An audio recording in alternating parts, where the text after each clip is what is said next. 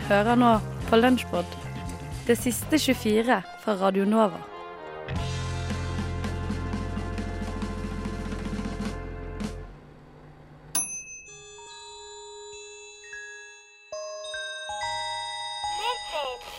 Du hører på Sorgen på Radio Nova. Vi skal snakke litt mer om Skrue McDuck. Kaja, hva veit du om Skrue McDuck fra før? Ho, ho, så masse at jeg ikke vet hvor jeg skal begynne. Nei, jeg vet kanskje ikke så mye, bortsett fra at han er superrik. Veldig glad i tiåringen, som var den første mynten han tjente. Og har en gigastor eh, pengebinge med cash og sedler som han liker å bade i. Altså, jeg, har kommet, jeg tror han er et overnaturlig vesen, da. Det tror jeg egentlig. For han klarer jo sånn med å stupe ned i en haug med er gullmynter og ikke det. slå seg i hjel. Det skal ikke være mulig. Han har noen form for superkreft i seg. Jeg tror, ja, han, tror jeg. eh, tror du kanskje han har liksom, eh, sånn som Wolverine, at han har adamantiumskjelett, og at han derfor klarer å opprettholde all den vekten over seg når han svømmer ned i pengene? Ja, akkurat det. Andamantium. What? Illuminati confirmed her i Sorgenfri dag, dere. Nei, men Det er jo åpenbart at dette her er en mann med veldig mange store evner. Uh, og det er jo det vi får vite om i uh, den Er det Carl Barks eller Don Rosa? Det er Don Rosa, Ja. For han, men han fikk et oppdrag av Egmont Mhm. å lage, lage Skrue McDucks liv og levnet, -hmm. er det det den heter? Ja. Um, og basert på Carl Barks sine historier, som tar utgangspunkt i det.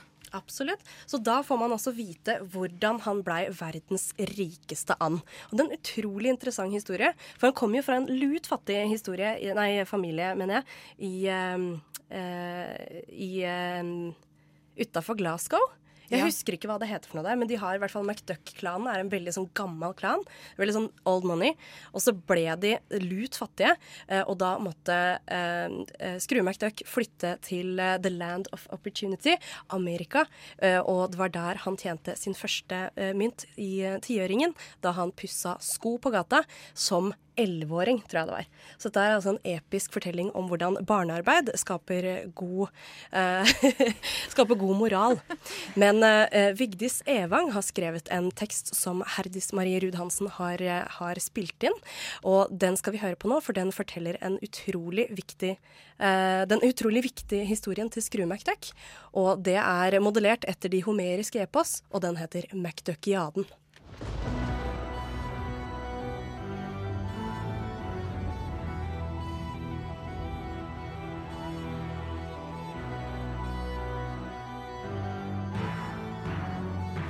Muse, fortell om hin søkkrike helt som flakket så vide. Tiøringseieren Skrue møkkdøkk den navngjetne anden. Skotskættet skopusser var han, men søkte sin rikdom fjernt fra glasvegiske gater og forfedreslottet. Til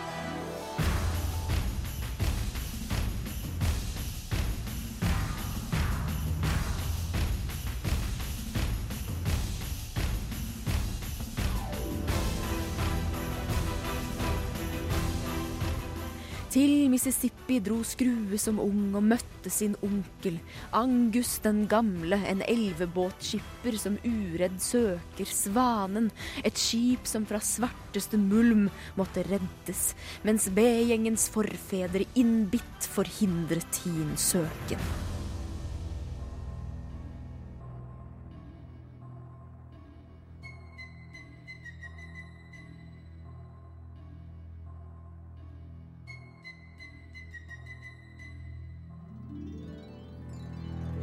Drømmen om bingen tok skrue i arv fra sin frende, reiste ut vest, så til antipodeiske landskap.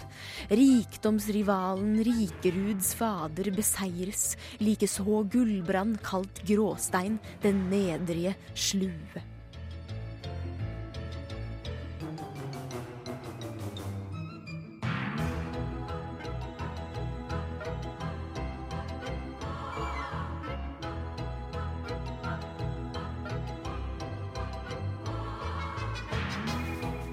Klondikes kaldfrosne klipper ble vitner til kappstrid om gullet, og møte med Gulda, kvinnen, den nebbfagre, mandige Mø, salonsangerinnen den aldri glemte. Søstrene Penny og Lillegull fulgte vår helt helt til byen, grunnlagt av spisshattebæreren gode Cornelius Kvakk, helt til den første av Andebys hvitfjærede ender. Her reiste Skrue så stolt pengebingens vegger.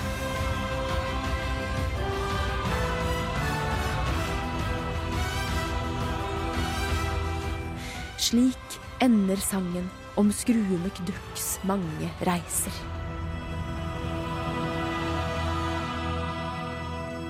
Eposet om Skrue McDuck, McDuckiaden, fikk du høre her i Sorgenfri i dag.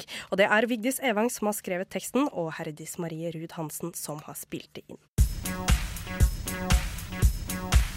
Hæla i taket med Vitenselskapet.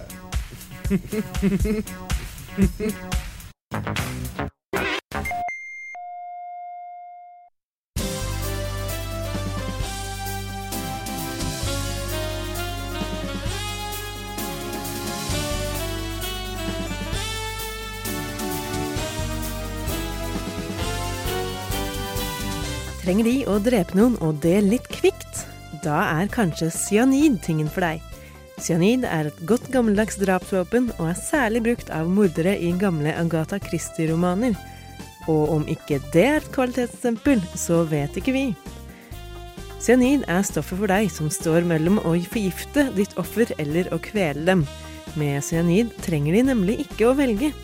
Giften består av et karbonatom som er trippelbundet med et nitrogenatom. Dette binder seg lett til mitokondriene i cellene, de vet de såkalte kraftsentrene i cellene. Dette hindrer dem i å få tilgang til oksygen, og offeret kveles på cellenivå. Som en bonus tar dette svært kort tid, så om de behøver de arvepengene pronto, er dette et av våre beste forslag. I tillegg finnes cyanid lett tilgjengelig i røyken av sigaretten på enden av munnstykket deres, i kjernen på en aprikos eller et eple, og selvfølgelig i ville mandler. Men pass på! Cyanid har en motgift som også er lett tilgjengelig, nemlig vitamin B12. B12 gjør at cyaniden løsner fra mitokondriene og kan forkludre et ellers vellykket giftmord.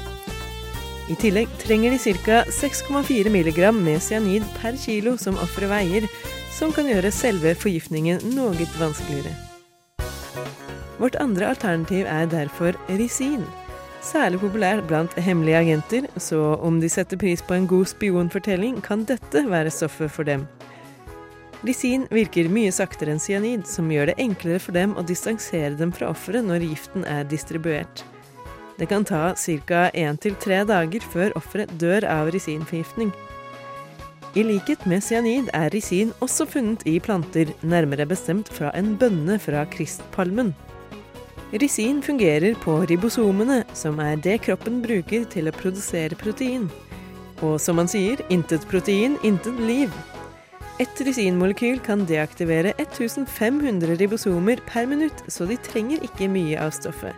Tas giften oralt, vil man behøve ca. 20 mg per kilo av offerets vekt, men injiseres det, trenger man svært, svært lite, kun ett mikrogram per kilo. Dette er selvfølgelig kun barnemat sammenlignet med vår de luxe-gift, det absolutt mest giftige stoffet i verden. Clostridium botulinum, kanskje mer kjent som botulisme. Å kalle C. botulinum en gift er faktisk ikke helt korrekt, da det strengt tatt er en bakterie. En bakterie som faktisk finnes nesten overalt, men som særlig trives i lufttomme steder. En boks med dårlig hermetiserte varer kan f.eks. bli deres nye bestevenn. Eller hva med alminnelig honning?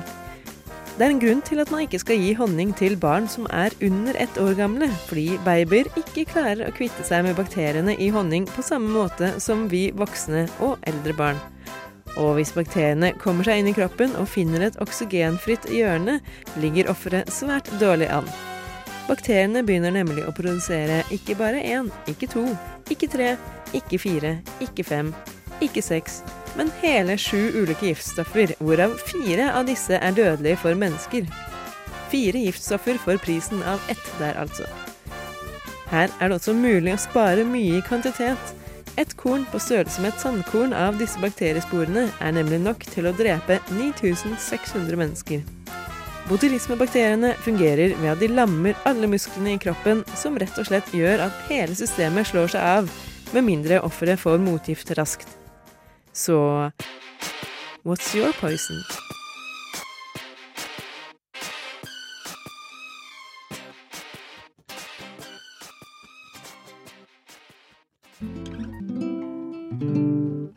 Kunne jo vært en fare. At folk tenker sånn herregud, hun har det jo så bra, og så sitter hun og syter. Å, faen. Mye, mye, det er mye klaging. Ta alle Klagenemnda. Nå, uh, I går så feiret eh, noen av oss Ja. eh, den å så store vaffeldagen. Eh, fantastisk eh, høytid som svenskene har begynt med. Eh, fordi de feirer en eller annen sånn jomfru-vårdag eller noe sånt. Eh, og så har de på et eller annet tidspunkt koblet vår og vaffel sammen. To spørsmål. Ja. Er ikke vaffel norsk? Nei, OK. Eh, spørsmål to. Hva gjorde du? i går. Ja. Eh, jeg lagde ikke vafler i går. Jeg spiste ikke vafler i går.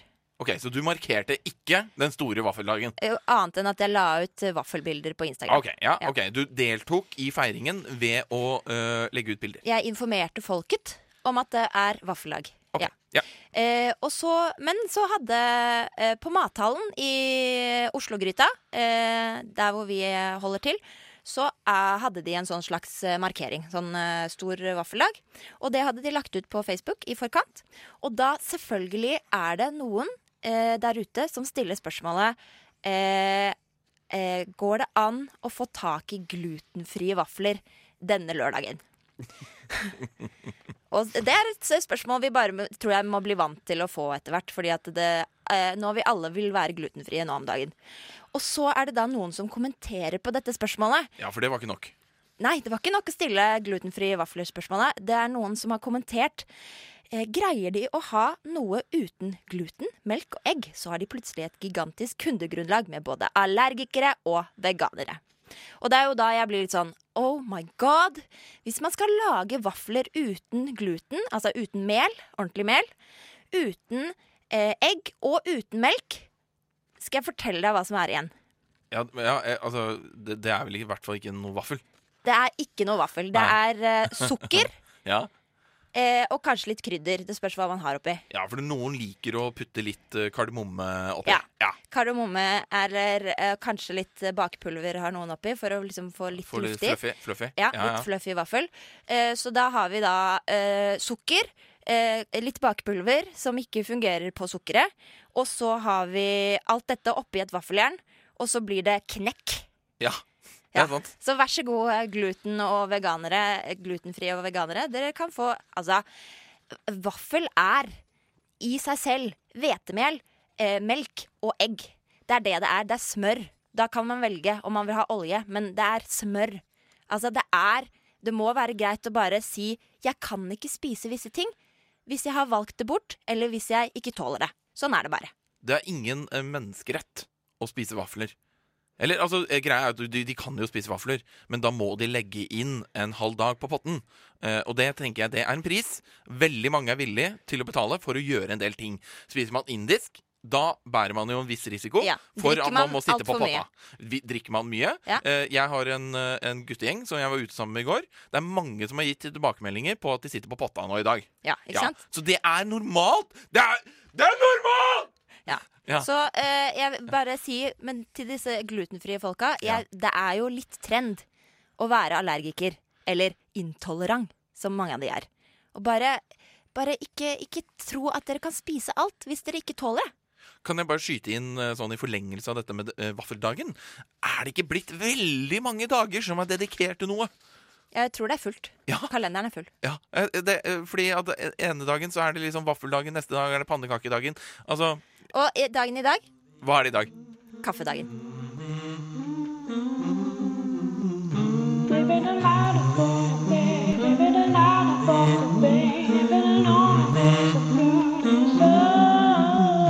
frokost i øret.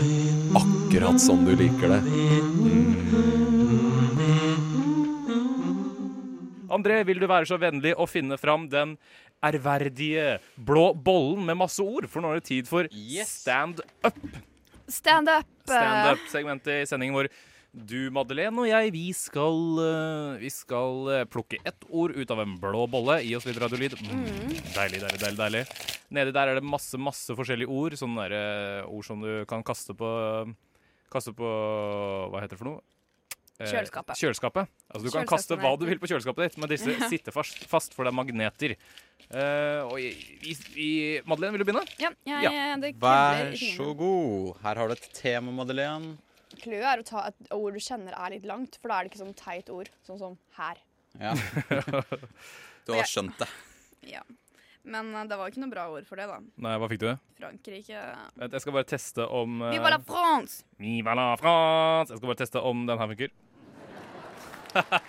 Tusen takk, publikum. Uansett.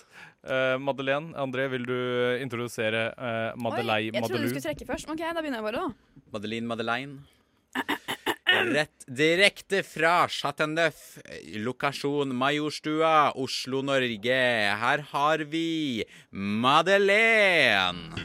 Hei, hei, folkens, og velkommen til uh, Frankrike. Nå er vi på tur, dere! Men eh, seriøst. Frankrike de har jo mye god mat og sånne ting, og det er jo fint for oss som liker å spise. Sykt gøy dette her. Det er også fint for oss som prøver å leke morsomme, for i stedet for å være morsomme og snakke, så kan jo vi spise. Ja, sånn ellers da, så har jo Frankrike mye fin og skjønn natur, da.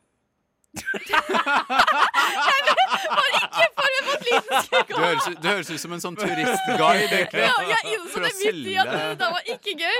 Men jeg visste ikke at jeg skulle ta lyden der, så jeg lot den der lyden var ferdig der. Så jeg bare Ja. Fin natur, dere. Ferdig. Viva la France! Hei! Viva la France! Okay, min Mathias, vær så god, strekk deg etter den blå bollen. og finn et ord. Veldig bra, veldig bra, Madeleine. Jeg fikk Storbritannia. Vi går for land i dag, altså. Ja. Oi, oi, unnskyld mikrofonen. mikrofon. Litt ivrig der. Litt ivrig der. Gi meg en, uh, gi meg en, uh, en uh, introduksjon. Etter fantastiske Madeleine får dere ganske OK Mathias. Det stemmer. Kommer inn med latter. Men seriøst, dere. Storbritannia. Hva er det som egentlig så gjør dem så svært? Altså, jeg mener, de har jo ganske De er, de er jo ganske hva er, det som, hva er det som gjør Storbritannia så svært? Det er de, de, Jeg mener, de har jo ganske små mennesker der. Men seriøst, altså Get out of here! Brexit!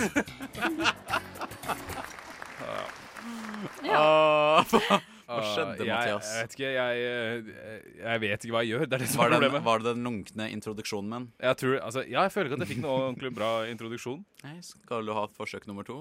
Nei, det er ikke lov. Altså, et forsøk nummer Jeg vet, jeg vet ikke om jeg vi kan, Hva med om jeg gjør det til uh, lyden av 'Christmas at Hogwarts'? Ja, men da Hva kan er jeg- greia med Storbritannia, dere? Hvor Hvorfor er det så stort? Ja, hvorfor er det så stort? Når det er så små mennesker der!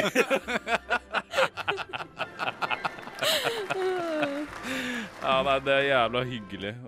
Sånn, der skrudde jeg den av. Hei, hva så? Vi heter Jørgen, og du lytter til Bra Trommis på Radio Nova.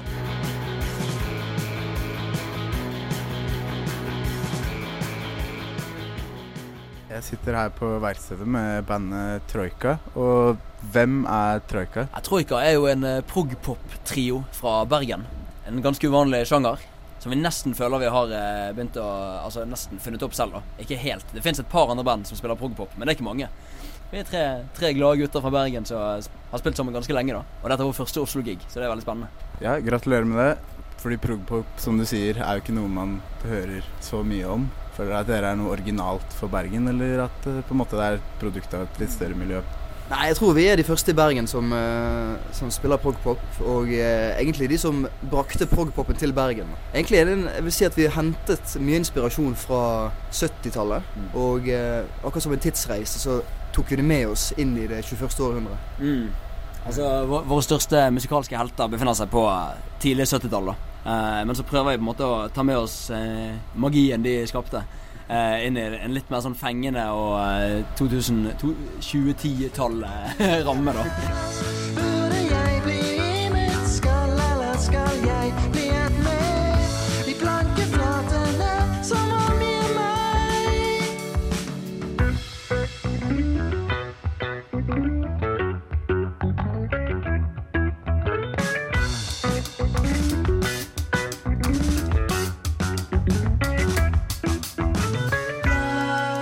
Vi vil på en måte ikke være helt sånn supersære og sånn uh, typisk prog er sånn veldig lange låter. Sånn kvarterslåter med veldig mye skiftning, skiftende appetier og sånn. Vi har jo litt av det også, men vi prøver på en måte å gjøre litt uh, mer Sette det inn i en popramme, da, kan du si kanskje.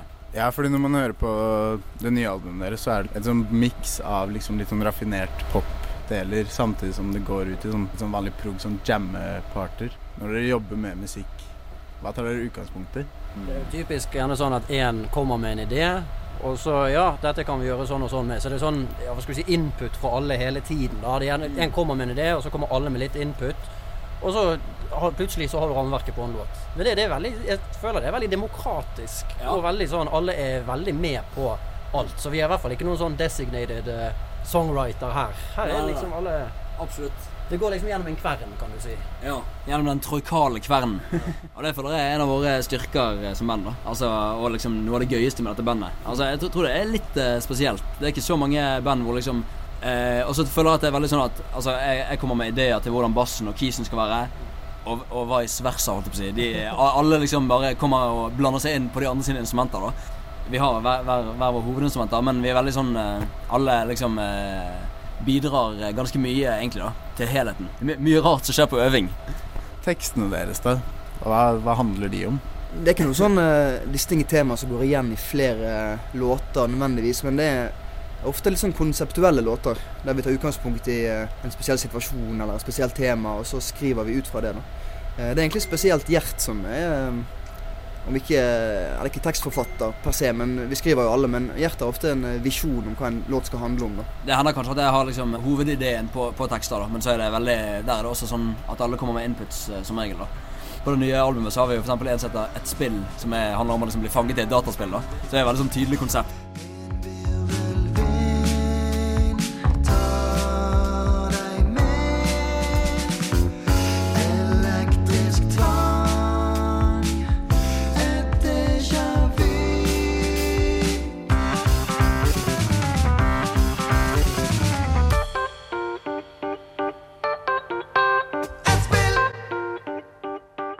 Vi, vi er vel ganske sånn Vi har ofte litt humor, og iallfall litt sånn glimt i øyet og litt eh, brodd i tekstene. på det da. Eller litt sånn Vi, vi utforsker liksom eh, nytt landskap også, både musikk og tekstmessig. da. Fort så kan man jo assosiere litt det med å være et prog-band til å på en måte bli litt i overkant nisje noen ganger. Mm. Men jeg føler liksom at på albumet deres så si, hopper dere litt imellom både det å ha en litt mer kommersiell appellering. Mm. Er, liksom, er det noe dere bevisst jobber for, eller? Nei, ja, det, det vil jeg si er bevisst. Altså, Jeg husker vi kanskje seks-syv år siden. Da husker jeg liksom vi, vi begynte å si at vi spilte prog-pop. da Og da ble vi liksom bevisst på at ja, ok, ikke prog-rock, men prog-pop. Vi skulle liksom gjøre det helst litt dansbart, noen av låtene. da Man skulle kunne danse til det. I hvert fall deler av låten.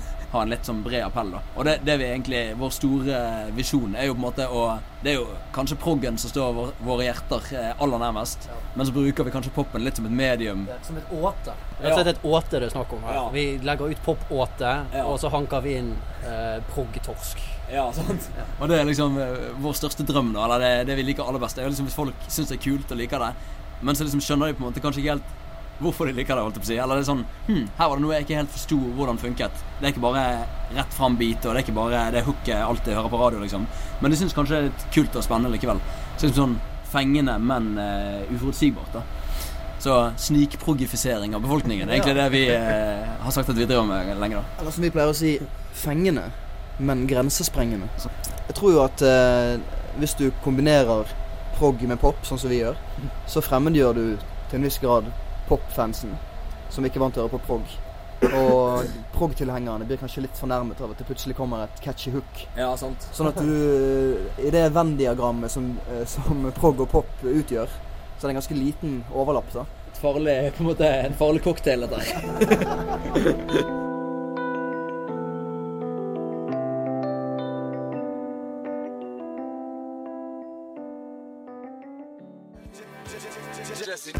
Først og fremst så er det Jesse. Du vet hva jeg er best i.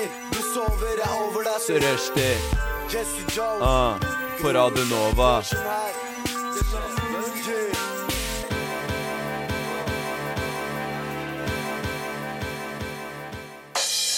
Da er vi klar for neste runde med leken Tema ett minutt. Vi må finne et bedre navn på den leken. Men eh, Det kan vi jobbe med. det er i hvert fall en forklarende tittel. Eh, Og det er Idun eh, har vært i ilden. Snakket om testosteron. Jeg snakket om Pearl Harbor. Og nå er det André sin tur til Og først få en lapp, tenker jeg. Først få en lapp. Yep. Jeg Um. Mm. Er du klar? Jeg er så klar, jeg. Jeg Skal vi se, da åpner jeg lappen, og her står det Mallorca! Tid! Nå! Mallorca er en liten øy. Eh, Mallorca er eh, en del av en øygruppe som ligger utenfor Afrika, som er spa... Nei, Mallorca ligger inne i Middelhavet. Da lurte man nesten. Mallorca er en del av tre øyer som ligger inne i Middelhavet, og den andre er Ibiza. Mallorca er den største. Den ligger i midten. De to andre kranser litt rundt den. Det er en del av Spania, og det har det vel for så vidt vært helt siden 1200-1300-tallet, hvis ikke jeg husker helt feil, når de kicka ut muslimene.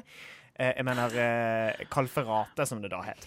Eh, Mallorca er et yndet feriested. Masseturismen oppsto på Mallorca på begynnelsen av 60-tallet, som ble muliggjort av da annet eh, masseutbyggingen av billige hoteller med åpningen av Spania for Vest-Europa. Franco var jo diktator i Spania på et tidspunkt der, men det da ble gjort bedre relasjoner, eh, sammen med masse flyturisme.